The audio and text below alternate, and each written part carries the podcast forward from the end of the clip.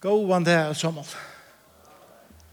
Vi er jo i en røs som jeg kallar for en nage løyve, og vi tenker at trojentene som fire menn fire løyve, som vi kallar jeg livet her og gjør. Nage løyve. Vi har hukket at Jesus er som akkurat fire menn, vi har hukket at hele andan som akkurat fire menn, og nå er vi eh, i firmyndene av færene. Og senast så tås jeg her beint i Jesu røyene til hver i november måned, tås jeg vidt om færen og eller at han elskande færen og yngre sonen og i lukknesen som Jesus heier om han elskande færen i Lukas 15. Og det er for at jeg ikke er at tog elskande færen og til eldre sønnen. Det var tvær bætjer. Ofta snakkar vi bare om den yngre, og hvordan forferdelig han var. Tvær syner var. Og Arren leser året og, og fer inn til henne, så hadde vi skulle vende oss til herren og be han om et vervi oss. Takk Jesus for at dette lukknelse som du fortalte er lærdommer for løyve som fer helt inn i hjärsta dype. Og nemmer vi røtene som er allar innast i åkken. Hjelp det er at høyra, åpne åkker øyre over høyre rårsens, åpne innar og øyre at her kan det til okken inn i hjertan. Og hjelp okken så vil jeg gjøre rårsens ved at føre det ut i fingrene. Så er det okkara gjerande stavur, okkara vanlige liv her som vi er om. Jeg kjennes av at vi fylltja hånden etter som bær krossen ut av Golgata. Vi fylgja honom etter som vi vet ikke kvian han kommer, eller kvian han fer. Og vi fylgja honom etter som er en feir, som elskar sinne bøden. Og hjelp okkon i okkar løyve, så la som i liva, er at endur spekla nega av tunnare gøske, tunnare storleika, tunnare karleika, tunnare en tøynen eimuleika, en styrke. Og takk Jesus for det. Tøyt år, og hjelp mer at tala det greit og i det. Begge vi eimuleika, men eisen vi styrke. Så leis at det som to innskjør skal komme fram, skal være det som kommer fram. Og i Jesu navn. Amen. Amen seg er om tveir badjar, som jeg har sagt. Vi tar tås om den yngre som var øya kjønnlet rebelskur, Lukas heller, kjønnlige sjølvsøkjen som ville bare leva sitt egna liv, som rega botten, og som kommer krupande heimater i vågnen om at kurser jeg slipper inn om dittnar at være en træler for papasøyen, og papen motteker han vi totalt åpne ørmen og setter han her som en soner eier sita. Det var tannbatjen. Eldre batjen. Så jeg kan hitje at man sjolven og trykk vi at okken som ser det her der så er vi nekv meira luik eldre batjen. Ødla okken. Eldre batjen var heima, tryggfur. Han var arbeidshammer. Han var stabiler. Han var trofaster. Han hei ordan og i tingene. Abyrda fotler. Virtur mittel folk. Så tid arbeidsgjevar om de skulle finnes jo tre omsøkner fra til yngre Abidjanen og en fra til eldre Abidjanen. Hvordan hadde de sett i starv? Jeg sikker vi hadde sett en eldre Abidjanen i starv. Til han heier alt det som vi leide etter og gjennom gåvun arbeidsmannen. Eller gjennom gåven, stabilen, trofasten, tryggvande som gonger reglige av møte og alt ser godt ut. Da kan vi lese teksten. Og vi leser, leser fra uh, Lukas evangelium. Og jeg skal lese fra vers 25 til nå er det, hvis det, hvis det er en filmer, så er det som om at nå for eh, lukkar en scene, og det blir svart, og nå scene åpnast, og nå er fokus jo eldre patjan. Men hinn eldre soner hansara, altså soner færesins, vær ute av marsjene, sjølvand. Han var jo arbeid av fotler. Og ta og han kom heim og narskaist husen hørte han spel og dans. At året spel av griskon er året symfoni. Altså tonleik. Ta røpte han ein huskattel og spurte og vi kunne sette det i første person hva er det vi rettet tøya? Hessen sangeren og hessen danseren hva skjer her? Han sverre i honom, bror tøyner kommen, og feir tøyn hever tripe gøyengar kolven, tøy han finnes han attor i ødlen gåvun. Ta kom illt ui han. Grisko åri her kom illt ui, er bøkstavlega, han blei reier ui høttenom.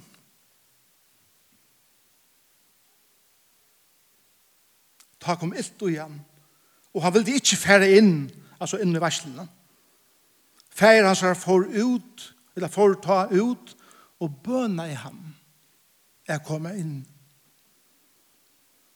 Men han sverre i fære om, som mange år har vi en jo tant her, og aldri har vi er gjørst imot tønnen boven, eller måte boven tønnen,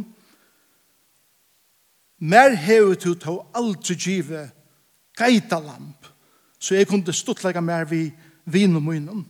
Men ta vi i hæsen sånertøyen kom, som hever ete oppgøstøyt vi skøtjen, traps to gøyengar kolven, fyr i hånden. Da sverre han hånden, baden, tu er alltid tjamer og alt mutt er tøyt. Men nu åtte vidt, at være frå og glede. Faktisk sier kristeteksten her på en, men vi kunne ikke boja vi å være frå og glede. Til at prøvertøyen som vær deier er vår livande, og vær mister og er funnet. Jeg skal ta seg løsende om eldre sonen, men enda talene det er vi færenom, som er okkar firemynd, hvordan vi da eier livet okkar liv sammen med Jesus Hvis folk hadde hukket at det som var arbeidsen, så hadde det noen kommentarer ved, fra folk som hadde sagt så leis, ja, her er sannelig måneder av arbeidsen. Her er sannelig måneder av arbeidsen. Og det var det som så eisne Det var ikke gale vi eldre arbeidsen ut som han gjør det. Han, han var framurskærende. Det er vi alt samt om. Men god hikker ikke bare at vi utvarstes. Han hikker eisen i at hjertan. Han hikker at vi som er inne i og Og Jesus omberer for dere i sin lukkning er at faktisk er det tvei badjar som er borstrevilster. Ein er borstrevilster og ein hatt, og ein er bortvilser av en annan hot. Ein er bortvilser heimane fra, ein er bortvilser heima. Ein er bortvilser ut og tja svinnen. Hin er bortvilser heima og i stovene, kan man sija. Ein er, er bortvilser til at han skikker seg så ytla. Ein er bortvilser tog at han skikkar seg så vel. Vel Alt var i fynas ordan. Men han skikker seg så vel at han helt av god skilda seg nega. At det fyrir er så god som han er. Og det var hans herre stora synd. Jeg vet ikke om du kjenner god skilda syndromet.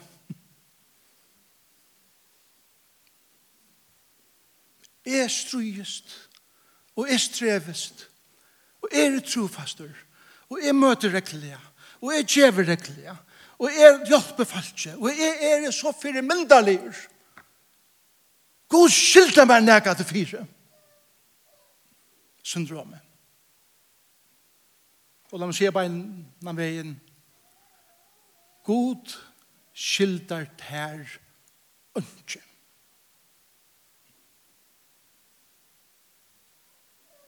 om du så gjevet ut liv, så skilder du henne stadvekk, eller han ter stadvekk, ønsk.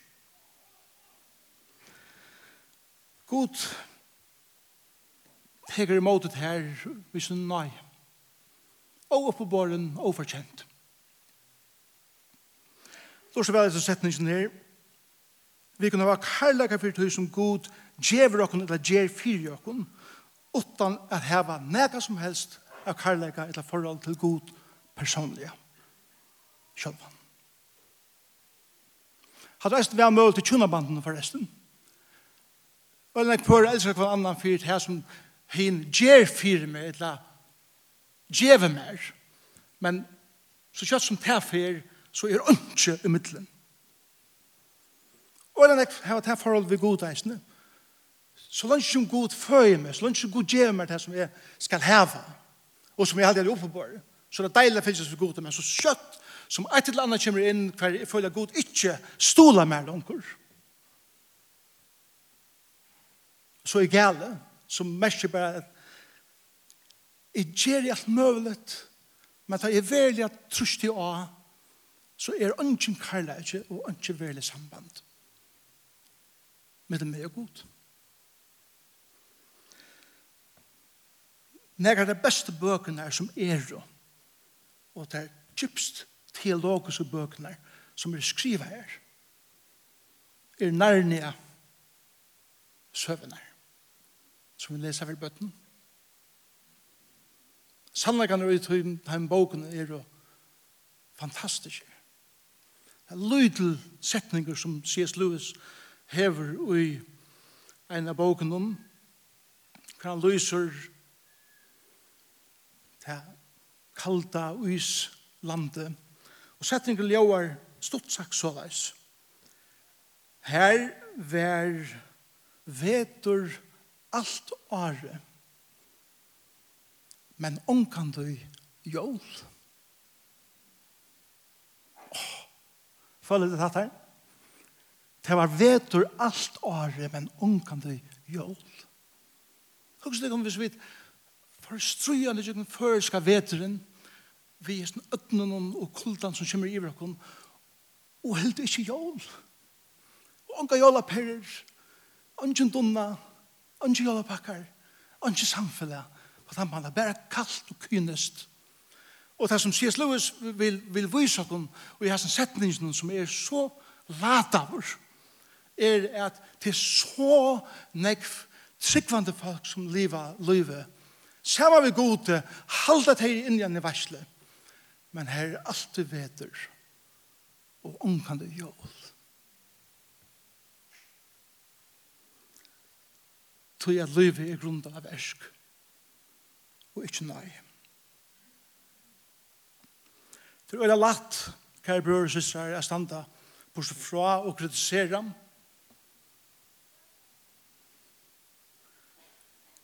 kritisera og døma og hava eldgrunna om syndarar som koma heim, som koma innat vi samkomuna og irritera seg nå at han skulle bare talt fryer seg det fremsta bank og blir en pastor av samkomna i atter og i mån til at vi som er trygg strujast og strevast og røyna gjør akkurat beste her, og så kommer Jesus ned bare, og man skjer han inn her, og njóter Guds nøye, og bare slipper at prysa god til sammen vi okken, som er og så trygg er.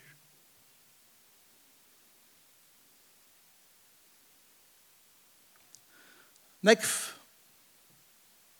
folk som jeg kjenner, men kan jeg sjølver, hete, jeg synes folk, komme inn og årekva den deilige frien som er. Og gjør at her regner skyte.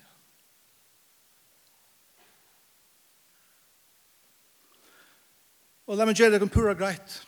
Lyknelse som Jesus hever her er å si, understryka. feiren elskar, boar, akkurat lyka nekv. gå og få et her vi. Feiren elskar sonen som er spilt alle hans her åkne borster. Lyka nekv som han elskar sonen som vært han tryggve, stabile, trofaste. Det var ungen moner av karlagan og i hjertan til i og i måte dem baven. Kær tid, fære til en tid som, tid som på ankra måte er fotten løyven eller Et eller annet har rakt okken som, som fer fra normen om å være tryggvande og så videre. Og til, til så nek folk som ikke tår inn i sankum natter, til at jeg vet ikke hvordan det være måltidgen, og hvordan det være vefferen, og hvordan det være hukte et, og hva er bemerskene kan være gjørt om deg, og i kroken og så videre. God fægeren elskar til er fotlån hjertan og sender vi åpnende ørmen av bjået her inn, og i varslene og inn i hitan. Åtta nærkene kommentar, allment, framfor øren. Det er han privat, av løsleien sammen med her. Lyga nek som man elskar til, kære bror, som er og syster som er inne her i dag, og du irriteras den av folk som kommer inn i samkomna, som, som du heller ikke skulle være her, eller som forstyrra, eller som gjør ting skiten og kjæle inne her, Færen elskar te akkurat lykka nek eisne. Og hever eit brennande hjärsta fyrt her, og han teker det inn i sin faun, og han klemmer det. Til han elskar det. Så sammanhengen her er til at varslene byrja, man får ikke boja, ta jo et baden kommer heim, Du er borsen nek var, og du veist ikke om til livet eller dett. Knapp jeg troppet opp. Du var ikke plan, ikke? Om trutja viker, tushdagen, tann, kjenda, mars, så færre vi det her var Klokkan fyra. En av varsle for at broer kom heim. Sjån, jeg tushdag. Til her og nå. Hver, hver, hver er metren, hver er trekka, hver er, og, og varslan fyrir gongs. Og eldre badgen, han var sjående til arbeids ut i marsen. Han kommer heim, og Han hører tonelagen, han hører sær dansen, og han råper han den huskallen, og han sier, hva er det som gong fyrir skjer? Og det er konteksten. Og så hører han hva hender. La meg gjøre det kun nekrar sannleikar om Elsa Bajan og Arne Fratos som færen, som er så meddelig viktig for meg at lære min løyve, men eisen for åkken, som i mange år har fylst ved Jesus er arbeidafod, er velgjørt, er trofast, ötla så gode tingene, og jeg sier at det er ordentlig gode og viktige ting. Nummer ett, det er mulig at øvende gode for det som man gjør, for noen annan, om man ikke gjør det for meg. Det er møvlet at blive overordentlig øvende gode, at han gjør noe godt for noen annan, som jeg halde ikke var oppenbord og han gjør det ikke for meg. Til det som vi sier i 28. versen. Ta kom ilt i ham, til han hørte hva det er sånn her huskallene sier, at Batjum var kommet heim, og gøyinga klovet var dripen, og varsla var byrja. Otta med. Hvor var det reier høtt noen? tøy at han vil hava kontroll. Hvordan skal det bare til at nægge færre gongt her, utan at det visste jeg du? Hvordan kan det bare til at hit tårer at hegane nægge avgjør utan om med? Han var jo han som hei finnes arven. Han var jo han som, som var den eldste soneren. Han var jo han som hei arbeidna av gærnen. Sjalt om papen åtte alt. Og han var i øyene eller illt kom uja, han bare reier i høtten, skjønnelige oppøster, kokar iver, som han stender utanfor varslene.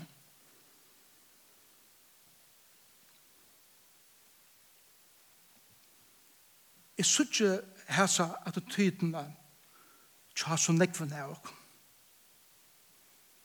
Særlig tja okkur som har vært her nekvar. Øyla latt vi a sia, mer damer ikke. Man damer ikke tonleisjen. Det er for hardt fra. Man damer ikke maten hatt av vi kjørte på. Man damer ikke maten av hine tingene vi kjørte på. Man damer ikke at hæsefolkene kommer her. Det er bare ikke til han ble fornærmet over til han hørte tonleisjen. Reier i høttene av tonleisjen og dansen. Forresten, det er ofte det som folk blir fornærmet nå. Det er eisen et her syndrom jeg vil hava Jeg vil heva til at her gjør vi så. Eller jeg vil heva til at vi oppfører oss så. Det ringes at her, da vi kom her til, kan man si. du sitter i min ståle. Preben, skrubb av. Jeg har ikke gjerne mange år, og jeg sitter alltid her. Her har akkurat fasta plåss her beint.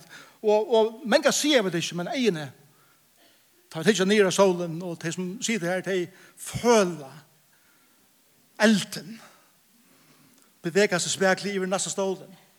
For jeg har plass for du som er så trofastur og tryggfor og ikke her i mange år. Og jeg har ingravera sitt navn ved gudle av stolen. Og han vildi ikkje fære inn, leser vi i 8. vers. Han vildi ikkje fære inn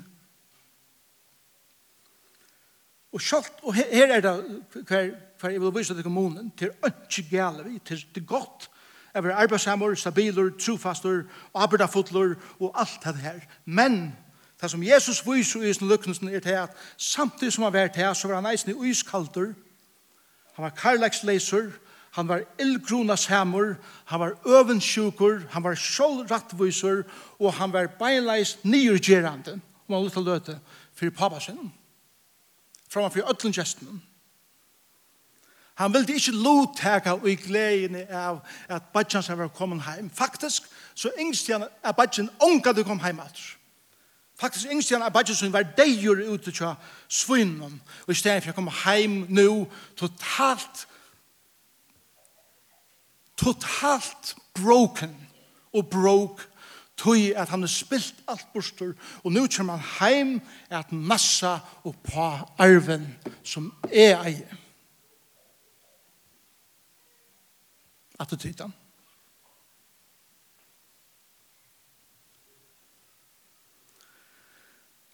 Då spiller jeg så setningen her beint. Kunsteren og i nøye løyven Då slår jeg etter.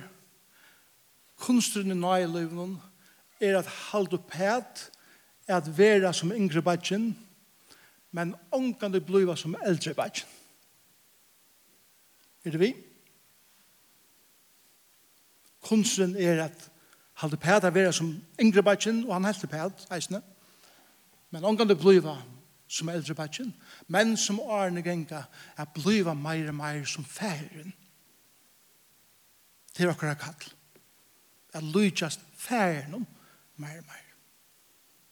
Og tog er rett og heite i hvert av luknelse. Ikke bortsluttelsesåneren, men elskande færen.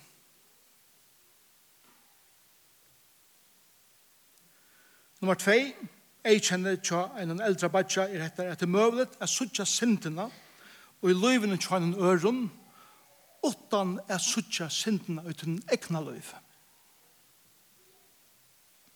Og det er det at det er bedre enn tusen Sjål rattvis. Det stender i vers 28 at feiren kom ut og bøna i sonen om å komme inn i verslene. Feiren for først, minne sitt, da han sa enkla sonen, han får rennande i motor sin sonen, minne sitt her. Ja? Og i jødskar mettan gjør det en feir omkande til. Særlig en feir som han sa, som var en harri i en gære. Han var i en kapa som kom helt nyr av øklanda, nyr til beinene. Og fyrir kunne renna, så måtte han køyre eh, kapene opp om knæ for å kunne renna. Og i jødskar mentan var det helt jeg være skam om han herre kjørte det, det var arbeidet til han. Papen eller feiren, Han leier ikke ui hese skommen at han ser sin son renner han ut etter sin. Det samme ui en varsle det var ikke oppgående av papen han færre ut av nøya son eller innsja son han kom inn. Han kunne bare lette han finne fri men han færre ut og ei mykje seg sjåan for gesten er at bøna sonen er kommet inn og lotteka ui verslene.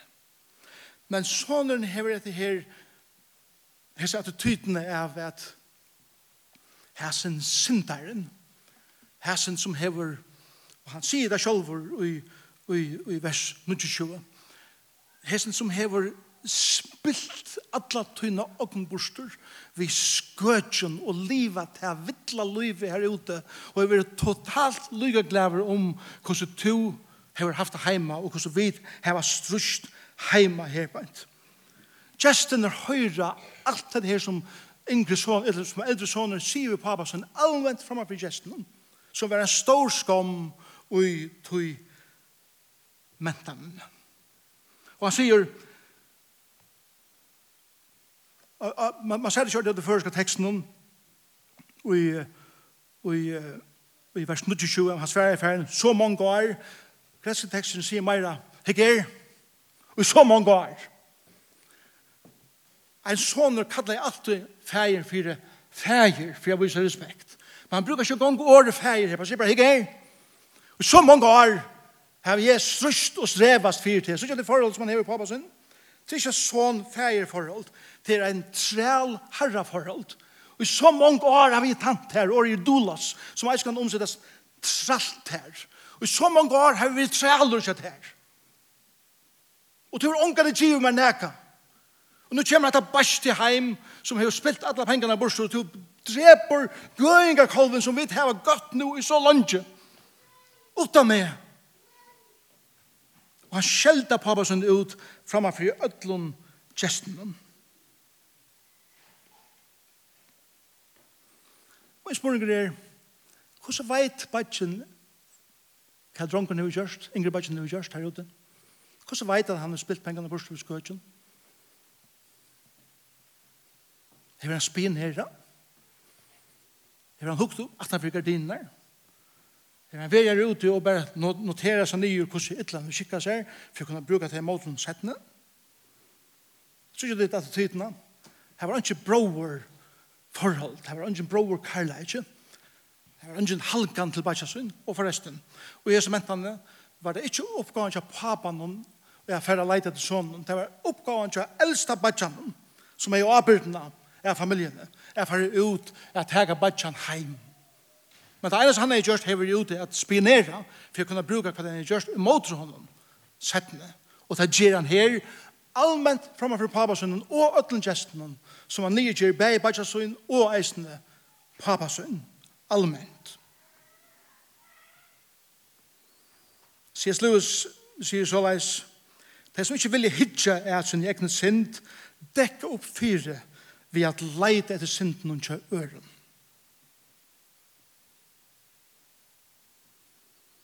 Vi at leite etter store synden og kjøy øren for å rettforskjere akkurat lytle synder. Det er det som Bajin gjør det. Ja, vi kunne godt si jo, jeg, jeg har en egen stoltleik, det, det har vi. Jo, jeg er reisende i øvensjukk først. Ja, gyrnt, ja, det, det er reisende i øvensjukvik først, kommer jeg men at er måter hennara, eller hansara, så er mye ikke snakke om. Så det, nu har jeg dekket i mina little synd ved at spekla meg omkring som er nek verre enn det. Og rett for kjør meg sjølvan, og hitjen nyer ånder, og jeg halden meg så vekan, og så gåan, og så heilajan. Tror jeg det er omkring andan er med vi, tar ikke med vi færen. Kina leser gå og bætjen, han er i finnkjøn, innbjørn og tarv, og vi bare slipper ikke en gang i pilsvåkene etter. Han fer gøyga kolben, og jeg får ikke en gang en guide, at hun er med i munnen vinen. Jeg må si et, tøtninger min ikke her og det er at nøyen, nøyen, er omkant i rattvøys. Nøyen, og på den måten som vi husker som rettvis. Hvis god skulle være rettvis mot dere, så er ønsken av dere være her og i det. Ønsken. Rettvisen er alltid å oppe borden. båren. uh, skilta, nøyen er alltid å oppe borden. Nøyen er alltid en gava, hun er alltid given. Hun er given til dere. Ongan i løn, alltid en gavan kan ångan det oppberast, kan ångan det vinnast. Alt er en gava. Det trea som jeg kjente Bajan var at det møl ta trykva er god skilda meg neka og ikkje sutja alt det som mer langko er givet. Vers 31. Tu skilda meg neka. Tu skilda meg en forklaring. Tu skilda meg at skilja det her bedre. Tu skilda meg syndromet til jeg er oppe på båret. Skil du ikke til at jeg er oppe på båret til jeg har skikket meg så vel. Jeg er så trygg for. Legg meg ikke til feiren. Hvordan utrolig han er. Vers 31. Da sier feiren vi han. Legg meg ikke, han bruker ikke året soner. Han brukar året teknon som er det intimaste året som en pappa kan bruka til sitt baden. Og det er baden. Baden jeg så ikke fyrir meg at han liksom, han teker om høyde av han, hikken i egen av han, og han sier, åh, må ikke elske jeg baden. Du er alltid ikke av meg. Og det som han gjør her er til at han konfirmerer at hans soner er tryggfull. Han er trofaster. Han er arbeidshammer. Han er pliktoppfyllande. Han gjør tingene så han konfirmerer at det her beint. Vet du hva mentanen hei gjørst i måte drøntjen som oppførte seg som pappa sin? Alle gestene som så det her hadde forvanta at papen tog tampen fram og halva han av allment. Faktisk hei han eisen rett til at steinan til deis. Og kushet ikke arven fra honom. Men færen er så nøyrykker mot hesen sonen som allment gjør han og gjør familien for skammen. Sier vi han, jeg, jeg vet hvor du erst. Jeg vet og suttje hva du gjørst. Kære tid, og jeg skal rettvis og inni her som er så trygg. Herren ser til trofest. Det gjør han. Herren ser til strøy. Herren ser til en bardag for din familie. Herren ser hva du strøyest via arbeidsposten. Men du har trygg og trygg for å lykke vel. Herren ser de tingene som vi har gjort i land, som ikke han ser, men som er et offer til hans herre. Han ser det. Ikke, ikke være, ikke være opptidsende av hva han gjør vi ånder, som ikke gjør vi til, til han ser til eisene, og han glemmer ikke til. Sjøkt om du ikke alltid er mipunktet av alle verslene, så ser han det, og han glemmer ikke til, og han sier, men kære baden, alt mot er tøyt. Alt mot er tøyt.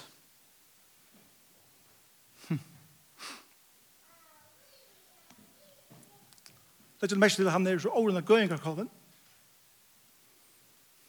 Det er ikke som papen sier, kæra, kære soner, hikk, hikk rundt om det, du, du eier alt det her, ta er, er, ta er i færen, så, så er hetta tøyn ogn, og du er fotla rett til det bare nå, hvor fokuserer du av en lorsta kalv? som vi har fyte opp til nega godt, og nå brukar han til, han til nega godt. Hvor er så opptidsen av små detaljen og loten som og i de store myndene at du hikker langer og hakre, ikke hever tøya. Vi kan heva hundre ære gøynga kalvar. vi kan heva nok av ødlom. Du har ægong til alt som er.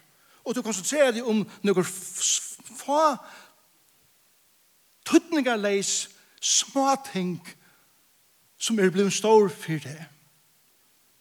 Hikk langer enn det sier ferden vi sin son. Nummer fyra, til møl til å være overrørter av endereisende og oppreisende. Tja en menneske som kommer atter til Kristus. Det er noen som har gynnt her i mange år, og noen som har vært lengt ute, kanskje en nekvar. år. Kjemmer heim, og vi er totalt overhørt. til ønsken glede.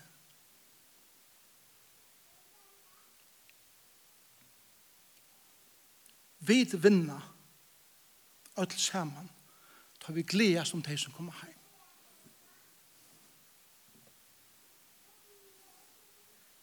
Nøye her vi er så størst at det tømmes omkant.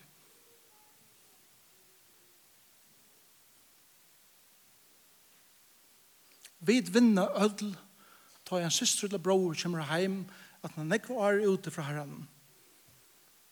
Og halka sitt liv av nødgjøn til Jesus.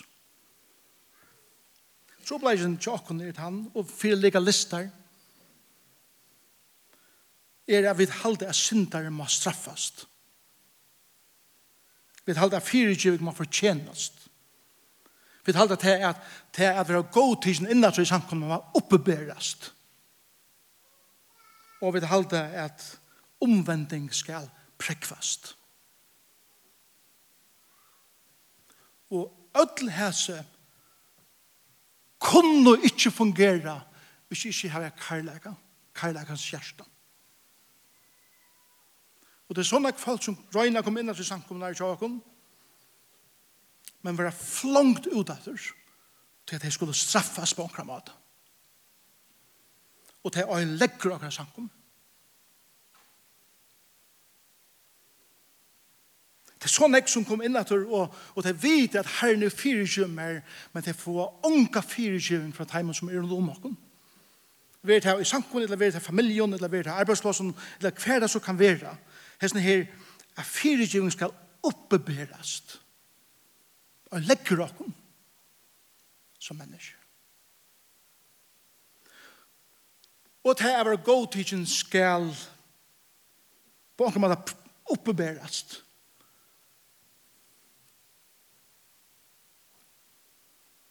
At du må spyrja helt her atur og så må du arbeide fram etter.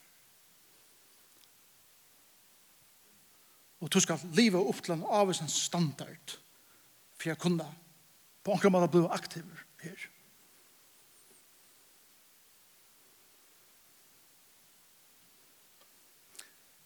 at det uttrykket som jeg halde er et forferdelig uttrykk, at senan må haldas rein, hver jeg kunne rein,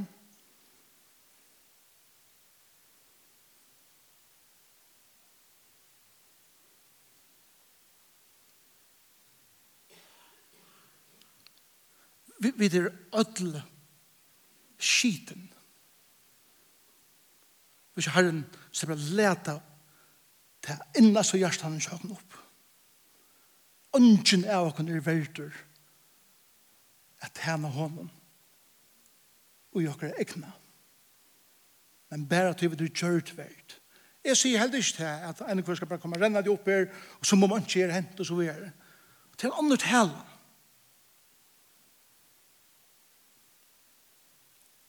Men vi må gledast til folk kommer heim.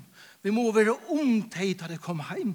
Vi må lytte det opp så de får friske luftene av nøyen og karlagene som, som vi får om vi lever akkur liv sammen med ferien som øyser sine nøye og liv inn i okken. Nøye liv er et elskende hjerte som ferien og ikke et hjerte som eldre soneren som er øvendtrykt og ildgrunna samt. Så la meg enda vi her som hva lærer, lærer færen dere? Hva sier færen vi gjør? Det første er lyga mykje hvordan bøtten hans har oppføra seg så er hans her karlags hjarta obrøyt imot det her. Gå og færet her vi. Lyga mykje hvordan hvordan vi oppfører oss. Lyga mykje om du krever arven og rymer ut i et annet land og livet til et egna liv, totalt akkurat som du vilt, og spytler pengene borster vi skøtjon og materialisme, og det vet hva det skal være, og du lever til ringast av fria livet som du kanst. Så er karlægen som færen her måttet her som sitt baden, totalt og brøtter. Hans er er fullkommen. Og han gleder seg til at du reker botten og du kommer heim ved hjertstanden tunn i hånd. Jeg gjør hånd natter. Edla, om du erst han sjålrattvise, raskje, arbeidafodle, personeren som er i samkomne. Så er hans hjärsta, kallak hjärsta mot det her, totalt oprøtt. Ja, vedlegging, absolutt. Rattlegging, absolutt. Ikke allment framfor Jøtlund, men det teker han seg av. Vedlegging og rattlegging. Og eisende allit. Han sier, Karla er ikke tredeleser, men avlid er noe som skal byttes opp hatt. Beie i familiene, i samkommene og ærestene og det teker tog. Det er noen tala. Men det som lukkene sier om er at vi skal fæta dette hjertet som færen hever, først og fremst. Og nummer tvei, han minner okken atter og atter og hver vi er og Vi er elska i bøten hans her. Han teker i høtti og han sier, kæra bøten, alt mutt er dutt. Du er mutt, mutt bøten, du, du høyre meg til. Og nummer 3, han minner okken av at alt hansara er okkara. Og så er det at du er gang til alt det som Gud har skapt. Alt det som Gud eier, som hans soner, som hans døtter, har du beinleis er gang til det. Wow. Og vi skjelte nå at solen er, han finnes jo en plett ja eller gardinene var skrattet nye, til bøttene kring middel der. Eller vi finner oss nå at onker hever er det gøyngre kolven. Og vi, vi blir opptisende av sånne små ting som i ljøsen tar vi litt av åkne opp og sutja alt det som er okkara. At det er ønske. Jeg tror jeg. Det betyr ikke at vi slår fra et vi, men det betyr bare at vi må skifte perspektiv. Det er det som ferien vi lærer oss, og det er det som nøyler vi snur seg om. Nummer fyra, han minner til å at gledes vi heimen glave, og at syrja vi heimen som syrja. At vi blir empatisk mennesker. Tog at tar vi gledes vi heimen som gledes, så er, så er er vi kommet halva lei til grøying av, av, eller, halva lei av frøyene som vi kunne gjeva træt til de som gledast og halva lei til grøying tar vi syrkja vid heimen som syrkja vi ødel vinna saman tar vi dere om hver annan og viser hver nøyre nøye. Nummer 5 i stedet for at argas enn er god så vi heldur glæver fyrt her som man gjever han øren, sjalt om man ikke gjever tær tui han gjevet her, så nekv anna, som han ikke gjever øren. Tui skulle vi gledast om gavenar som akkur annar finnes som jeg ikke heve. Gledast om rydgjødømme som akkur annar fer som jeg ikke heve. Gledast om, om, om, om, om at kunna uttrykkja, eller kunna uh, oppbyggja vinarlø, eller kunna kreera tonleik, eller kunst, eller hva det skal være, at, at gledes om det her, heldig enn å si, ja, det er ok. Men jeg kunne kjørt det bedre. Det er ikke vinn-vinn. Færen sier, «Mai løyve er at gledes vi gjør om kjøft om jeg ikke hever det. Og blasa løyv enn i det. De kommer til enden i stedet for jeg sutja sintene i livet kjøren, lærte jeg at sutja bjølkan uten egna eia fest. Det er så færre lærer okkur og jeg som lykkelsen. I stedet for jeg minne god og hva den skildret her, takk henne så heldig fyrt her som han langt hever givet her. Evet liv, nøye, karlaika, gaver og helse. Fægeren bjóa i bavun brøren inn i verslene. Annar opplevde det som nøye, hin opplevde det som orattvise. Det er årettvist at, at festen skal være fri hånden og ikke fri mer. Annar tog imot det som han ikke er oppe på båret, hin måtte tega det som han ikke ville heva. Men fyrir jeg kom inn i verslene, så måtte bæger bodja seg for tog som fægeren kravde. Er det vi? Det som er av okken her det som ikke vilja komme inn i verslene til at mer damer ikke at han eller hon er her. Færen sier ikke vidt her, ja, man kommer inn og lykker vel, du bør damer deg. Færen sier, antil kommer du inn og du feirer hese falskene, etla vil du verande utanfyr. Og i landen her som alltid veter er, og omkandu jól. Jól. Og tog endar luknelse i leisar luft. Kapitlen byrjar vi at tottlærer syndar hildes til Jesus, elskar vera saman vi innom. Og vers 2 sier, og farsierne til du takk knarra. Og det som Jesus sier i sin luknelsen er at han hikker at ta med eldre og farsierne, og han sier vitt her, tider i eldre bætjen fortell om tve ting som er tøtninga mykje eh, og gjøta dem. Nummer eit, som sier Johanne, det var oppgaven til eldre arbeidjanen er for ut og leite etter de yngre. Jeg får skil på familiene så at harmonier kunne være i familien. Nummer 2, tar jeg varsla vær, eldre arbeidjanen var verster enn varslen og bjóð er fólk velkommen å feire den yngre bætjan, det var det som han åtte gjør. I stedet fyrir samt åttan fyrir grenja. Og det som Jesus sier vi, vi, vi farsierne er det at tid er eldre bætjan, tikkere og abir er å færa ut til disse syndene og totlanar og bjóð dem inn i verslene som god til vi giver, åpne for åkken ødel, og tilstande her i grenja tid er være verstene som stander for disse verstene og bjóa folk inn og til utenfor det, og kritisere men her er vek her er det store vek jeg kjenner skanda visning. soneren soner færsens kom av himmelen akkurat som det eldre bøtjen at det gjør at leita etter syndaren er føra tar heim. Vi skulle være som den rette eldre bætjen, hver han, han som forteller lykkes, Jesus. Jesus kom som soneren, som måtte arbeidene. at fære fire færen, at djeva sitt liv, for å få syndere heim, inn i evige varslene.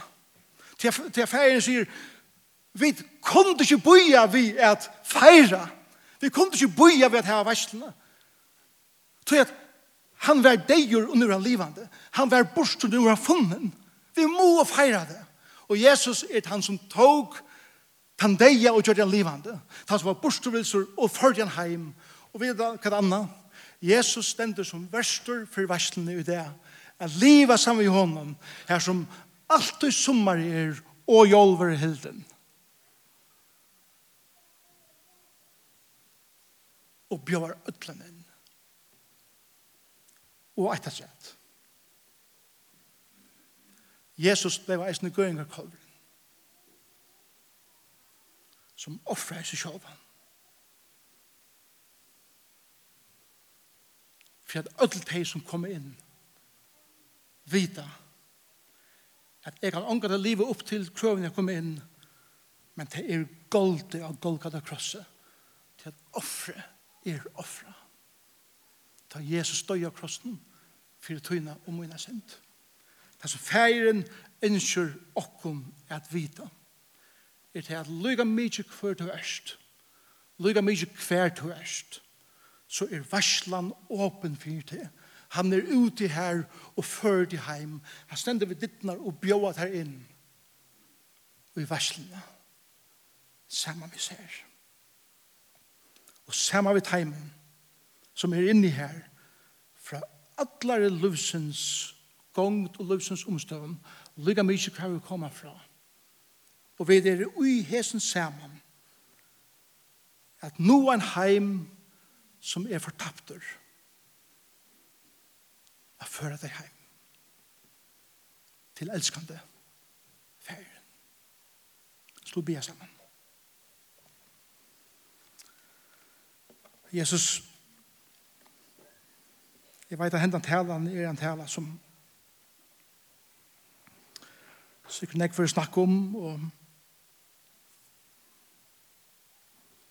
be om at du vil hjelpe oss at hitja inn i oss egnet liv. Og ikke er suttja først hvordan virusleis og syndafot vi der, men først er suttja at vi der høgt elskar jeg. At ha vi blunda og hugsa om akkur ekkur løy, hva vi der og vi suttja en sjån av en papa som stendur vi oppnån ørmum. Etla teker om akkur anleit og sier kæra baden og bjóar okkur inn. Jeg hugsa om en sonen som hei alt alt som papen kunde djeva honom men han skøtti ikke om hjärsta av pappa sønnen feir bøner han om at hega hans er hjärsta vi og ikkje bæra ognar.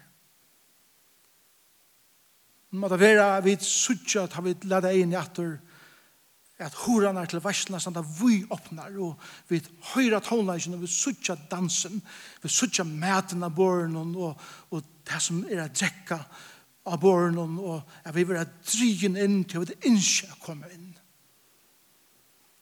Saman vi timen som vi ikke halda på det. Saman vi timen som vi ikke halda, uh, jeg burde ikke nesten være saman vi hæsen tog at de er jo så nekk bedre enn jeg. Men at det tøynen egen er ved ødel lyka og til ønsken måneder. Og så gjerne kommer alt hit på plass, automatisk. Og det er takk det fyr.